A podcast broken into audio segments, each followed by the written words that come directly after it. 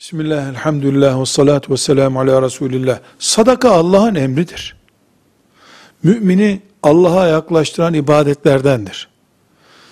Mümini kazadan beladan koruyan sebeplerdendir. Erkeği kadını olmaz. Herkes sadaka verir. Ama sadaka kendi malından verdiğin zamandır. Kocasının veya oğlunun malından izin almadan alıp sadaka verse bu sadaka sadaka olmaz şüphesiz. Kendi malından istediği kadar kadın sadaka verir. Kendi malıysa zaten onu kocasına sorması da gerekmez. Bu da bir ibadet. Çünkü namaz kılarken soruyor mu ki e, sadaka verirken sorsun.